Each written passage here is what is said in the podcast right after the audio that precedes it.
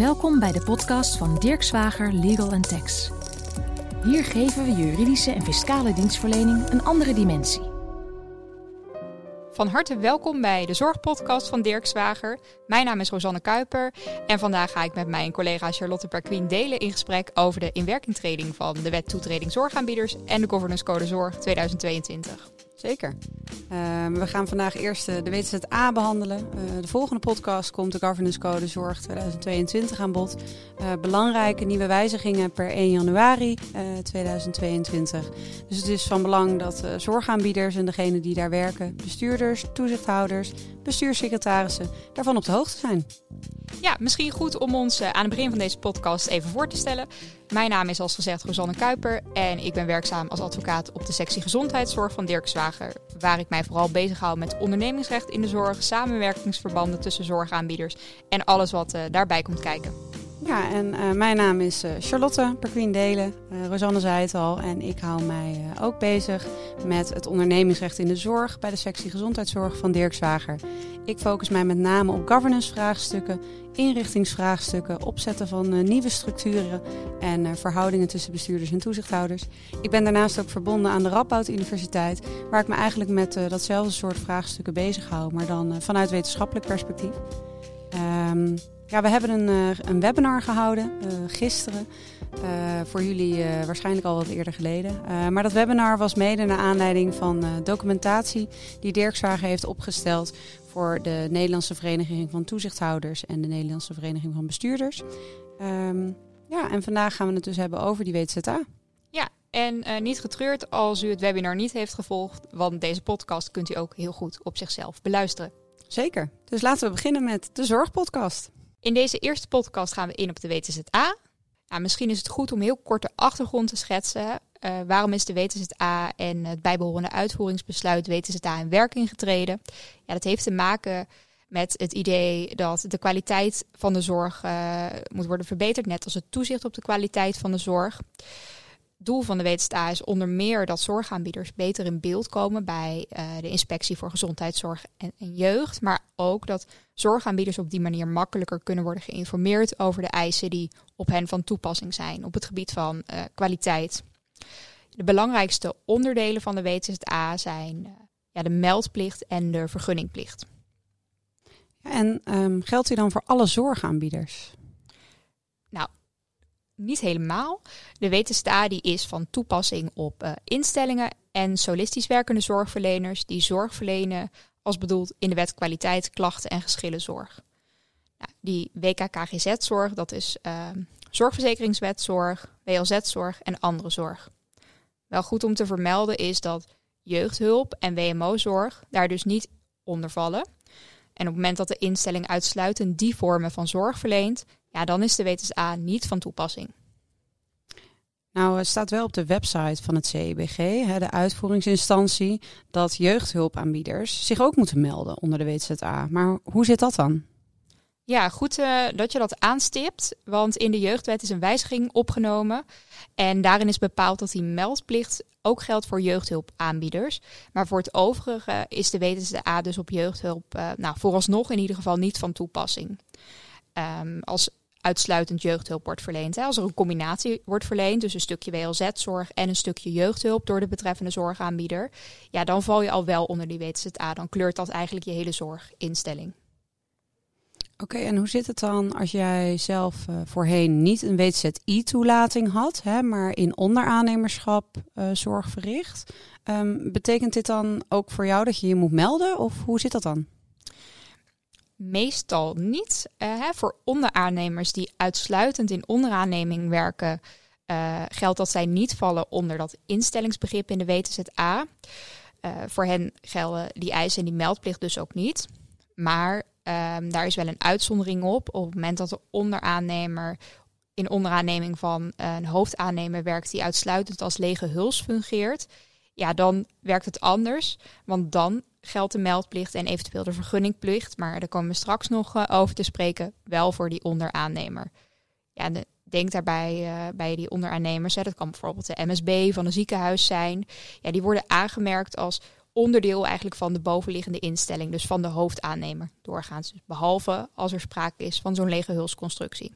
Oké, maar stel nou, um, ik ben zo'n lege huls eigenlijk. Hè? Dan, dan ben ik dus echt afhankelijk van de onderaannemer die een melding doet. Um, ja, en wat als ze dat dan niet doen? Ja, dat is een goede vraag, want dat regelt de WTSDA eigenlijk niet. Um, onze ervaring is wel dat in het algemeen zo is. Op het moment dat een onderaannemer zich niet aan die WKKGZ houdt en de eisen daarin, ja, dat de inspectie de hoofdaannemer daarop aanspreekt. Omdat de hoofdaannemer vaak afspraken maakt met uh, zorgverzekeraars en de contractering regelt. Dus het niet voldoen aan de meldplicht door een onderaannemer, ja, dat zou wel gevolgen kunnen hebben voor zo'n lege huls uh, hoofdaannemer. En hoe je dat nou als hoofdaannemer eigenlijk kan tackelen, is door duidelijke afspraken te maken met je onderaannemer, bijvoorbeeld in een samenwerkings- of uitbestedingsovereenkomst.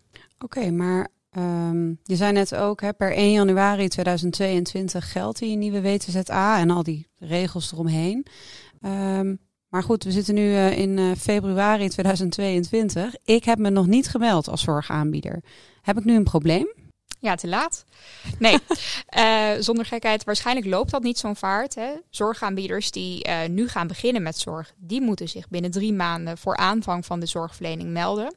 En jij zegt, ik ben een bestaande zorgaanbieder, heb ik nu een probleem? Um, nee, voor bestaande zorgaanbieders geldt een overgangstermijn. Zij kunnen zich melden tot 1 juli 2022. En dat gaat heel eenvoudig door uh, online een, een, meldformulier in te vullen. En die meldplicht die geldt overigens niet als je al bekend bent bij de IGE als zorgaanbieder. En dat is voor heel veel zorgaanbieders het geval. Bijvoorbeeld als zij geregistreerd staan in het landelijk register zorgaanbieders of op het moment dat ze over uh, een WTZI-toelating beschikken. Die zijn al in beeld omdat ze dan al een vergunning hebben. Dus dan hoef je je niet eens te melden. Maar altijd goed om dat wel even te checken. En als ik nou een nieuwe zorgaanbieder ben en ik moet me gaan melden, wat voor informatie moet ik dan allemaal geven? Waar moet ik aan denken? Je moet dan informatie verstrekken over het type zorg dat je verleent, uh, over het aantal zorgverleners, um, ja, hoe die zorg wordt, uh, wordt bekostigd, over uh, hè, de organen die je hebt ingesteld. Eigenlijk hele praktische vragen die je als het goed is altijd wel kunt beantwoorden als zorgaanbieder. Oké, we hebben dus een meldplicht. Hè, die wordt geïntroduceerd door de WTZA. Um, die kenden we onder de WTZI nog niet. Daarnaast heeft de WTZA die introduceert ook een vergunningplicht. Uh, kan je me daar wat meer over vertellen? Geldt die ook voor alle zorgaanbieders bijvoorbeeld? Nee, um, die vergunningplicht geldt voor een beperkte groep dan de meldplicht. Um, en we, we, kenden voor 1 januari van dit jaar kennen we de wet toelating zorginstellingen. En daar zat een, een toelatingenstelsel aan gekoppeld. En de WTZA die vervangt grotendeels dat, uh, dat stelsel van de WTZI. En de WTZA voor, voorziet in een nieuwe vergunningsprocedure met ook extra inhoudelijke eisen aan die vergunning op die vergunningplicht gelden hier en daar wat, uh, wat uitzonderingen en mitsen en maren. Het voert denk ik een beetje ver in deze podcast om dat helemaal uh, door te spreken. Maar het uitgangspunt en waar het op neerkomt is dat instellingen die medisch specialistische zorg verlenen altijd over een WTZA-vergunning moeten beschikken. En instellingen die met meer dan 10 zorgverleners zorgverzekeringswetzorg of WLZ-zorg verlenen, die moeten ook een uh, vergunning hebben. Dus bij medisch specialistische zorg gaat het niet om het aantal zorgverleners. Moet je altijd een vergunning hebben. En bij zorgverzekeringswet en WLZ-zorg minimum 10 zorgverleners. En hoe zit het dan met onderaannemers? Ja, voor onderaannemers geldt eigenlijk weer hetzelfde als bij uh, die meldplicht waar we het net over hadden.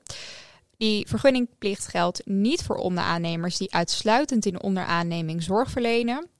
Dus um, hè, als je een mix verleent, als je deels als hoofdaannemer functioneert en deels als onderaannemer, ja, dan val je er al wel onder, want dan ben je niet uitsluitend onderaannemer. Er geldt weer één uitzondering op en dat is weer op het moment dat een hoofdaannemer een lege huls is. Dan geldt die vergunningplicht, hè, als je aan de eisen voldoet, ook voor onderaannemers. En die vergunningplicht, geldt die voor, voor alle zorgaanbieders of zijn daar ook nog weer uitzonderingen op? Nee, er zijn een aantal uitzonderingen op en die zijn uh, neergelegd in het uitvoeringsbesluit WTZA. Die uitzonderingen zijn best wel specifieke categorieën van zorginstellingen. En dan moet je bijvoorbeeld denken aan instellingen op het gebied van forensische zorg of uh, academische ziekenhuizen. Daar geldt die vergunningplicht niet voor.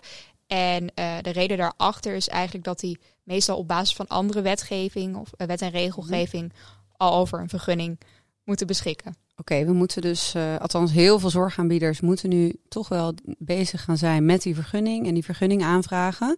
Uh, net zoals bij die meldplicht, is er, is er spoed of is er geen spoed? Uh, wanneer moeten we dat eigenlijk allemaal gaan doen? Nou, bij de ene zorgaanbieder is er wat meer spoed dan bij de andere zorgaanbieder. Voor instellingen die al over een WTZI-toelating beschikten, is die als het goed is automatisch omgezet per 1 januari 2020 na een WTZA-vergunning. Um, ja, nu is het wel even opletten, want je hebt diverse categorieën zorgaanbieders. Je hebt ook zorgaanbieders die onder de WTZI niet onder die uh, toelatingsplicht vielen en onder de WTZA wel over een vergunning moeten beschikken. Nou, die hebben wat minder haast, want die hebben een overgangsperiode en die moeten uiterlijk 1 januari 2024 een WTZA-vergunning aanvragen. Dat geldt ook voor categorieën zorginstellingen die onder de WTZI van rechtswegen beschikten, dus mhm. automatisch over een um, ehm, WTZI-toelating. Uh, Is dat dan bijvoorbeeld de huisartsen? Ja, huisartsen kun je inderdaad uh, aan denken. Uh, dat is een heel uh, typisch voorbeeld. Dus ja, verdient echt aanbeveling om daar goed naar te kijken als je onder zo'n categorie zorginstelling valt. En dat niet uit te stellen tot het allerlaatste moment. En voor geheel nieuwe instellingen die dus nu gaan starten met zorgverlening, geldt dat zij pas mogen starten met het verlenen van zorg op het moment dat die hele aanvraag gedaan is en de vergunning is verstrekt. Eigenlijk hetzelfde zoals bij die meldplicht. dat moet je ook echt eerst doen voordat jij uh, zorg mag gaan verlenen. Precies, eerst moeten al die formele punten zijn afgerond en dan pas mag je daadwerkelijk gaan beginnen. Oké, en uh, dan ben ik toch weer even een nieuwe zorgaanbieder. Um, of in ieder geval bestaande, maar mijn vergunning wordt niet automatisch, uh, automatisch omgezet. Um, hoe kan ik die vergunning krijgen? Moet ik dan aan bepaalde vereisten voldoen? Of niet? Uh, ja, als je vergunning niet automatisch wordt omgezet en je moet hem dus aanvragen of je bent een nieuwe zorgaanbieder, dan uh, wordt er inderdaad getoetst of je aan alle vereisten die gelden om een vergunning te verkrijgen voldoet. En dat zijn in beginsel uh, eisen op het gebied van de bestuurstructuur bijvoorbeeld en de financiële bedrijfsvoering. Oké, en je zegt in beginsel. Dus dat doet bij mij vraagtekens opkomen. niet altijd? Nee, het terecht vraagteken, denk ik. Want die eisen op het gebied van de bestuurstructuur, die gelden niet voor alle vergunningsplichtige instellingen. Die uitzonderingen die zijn ook weer neergelegd in het uitvoeringsbesluit, wat we al een paar keer hè, hebben besproken. En instellingen die niet hoeven te voldoen aan de eisen op het gebied van de bestuurstructuur, dat zijn bijvoorbeeld hele kleine instellingen met mm tien of minder zorgverleners. Of uh, extramurale instellingen, dus waar je niet intern kan verblijven als patiënt of cliënt met uh, 25 of minder zorgverleners. Oké, dus waar je echt alleen op bezoek komt voor een consult bijvoorbeeld. Of uh, daar moet ik aan denken. Ja. Precies. Oké. En die bestuurstructuur waar je het over had, um, ja, wat betekent dat dan precies? Moet ik allemaal nieuwe bestuurders aanstellen of uh, wat betekent het? Nou, dat, uh, dat waarschijnlijk niet. Maar uh, die eisen van, op het gebied van de bestuurstructuur die bestaan eigenlijk uit een aantal elementen. En vooraf is misschien goed om even formeel punt te noemen, want die eisen die moeten op grond van de uitvoeringsregeling weten ze daar ook in je statuten worden vastgelegd. Dus hè, wat ik nu ga noemen, geldt die moet op de ene, enige manier in de statuten zijn verwerkt. En dat hebben wij bij die modelstatuten voor de NVTZ en de NVZD ook gedaan. Ja, die zijn dus echt volledig op elkaar afgestemd. Hè? Die, uh, wat, wat in de statuten wordt geregeld, hoef je niet in de reglementen mm te regelen. Um, en wanneer het verplicht wettelijk in de statuten moet staan, dan staat dat er uiteraard ook in. Um, die bestuursstructuur, uh, kan je daar wat meer over vertellen? Ja, de inhoud van die bestuursstructuur en die eisen. Uh, nou, het belangrijkste element is eigenlijk dat er verplichte interne toezichthouder moet worden ingesteld op het moment dat je dus hè, aan die vergunningplichten moet voldoen, die uit minimaal drie natuurlijke personen bestaat. En stel nou in mijn statuten staat dat ik een uh, raad van toezicht heb bestaande uit minimaal één toezichthouder. Um, ja, voldoe ik er dan aan of niet? Nee, dat is echt niet uh, goed genoeg. Dat minimum aantal van drie, dat moet echt worden vastgelegd in de statuten. Oké. En, en wat nog meer? Um, nou, dat uh, minimum aantal hebben we al genoemd. En um, er geldt ook een maximum zittingstermijn voor leden van de Raad van Toezicht. Maximaal twee keer vier jaar. En dat uh, mag dus in totaal maximaal acht jaar zijn. Een lid van de Raad van Toezicht mag bij dezelfde instelling maximaal acht jaar plaatsnemen in de Raad van Toezicht. En stel nou, um, het, is een, het is een rechtsvoorganger of een rechtsopvolger. Uh, ontduik ik het dan of niet? Nee, zo uh, werkt het helaas niet. Um, Ook dan maximaal. Uh, dan telt die termijn inderdaad gewoon, gewoon door. En het gaat dus echt om ja, niet om de vraag of het een aaneengesloten termijn is of niet. Dat is niet relevant. Het gaat om het totaal aantal jaren. Ja, precies. Dus ik kan ook even, even, even ertussenuit en weer terug. Maar dan telt maar dan het nog steeds door. door. Oké. Ja. En um, je hebt het over toezichthouders. Hè? Maar stel nou, ik wil um, um, een monistisch bestuur. Oftewel, ik wil bestuurders en niet uitvoerende bestuurders in één orgaan. Uh, waarbij die niet uitvoerende bestuurders dan een soort toezichthoudende taken hebben. Mag dat? Nou, dat is best een uh, hip fenomeen in het algemeen, uh, maar dat mag in de zorgsector uh, niet. Want de wetenschap bepaalt echt uitdrukkelijk dat de Raad van Bestuur en de Raad van Toezicht in gescheiden organen moeten plaatsnemen. Ja, een dus- beetje zoals eigenlijk ook in de code, hè, waar we het in de volgende podcast over gaan hebben. Dat er een strikte scheiding is tussen bestuurders, toezichthouders en de taken van, van de twee organen. Ja, precies. En de duidelijke verantwoordelijkheidsverdeling, ja, dat, dat is ook een van de eisen op het gebied van de bestuursstructuur. Ehm, een ander punt ehm, is dat de interne toezichthouder op onafhankelijke wijze moet zijn samengesteld. En daartoe biedt het uitvoeringsbesluit wetenschappelijk eigenlijk een aantal um, ja, concrete aanwijzingen die ook weer moeten worden verwerkt in de statuten. Uitvoeringsbesluit schrijft bijvoorbeeld voor dat leden van de Raad van Toezicht geen andere financiële vergoeding mogen krijgen dan een passende vergoeding voor hun werkzaamheden. En, en wat is dan passend? Kunnen we dat in het algemeen zeggen? Of? Nee, daar is eigenlijk geen algemeen antwoord op te geven. Nou ja, wat in ieder geval niet passend is, zijn uh, vergoedingen die uitkomen boven de wetnormering topinkomens.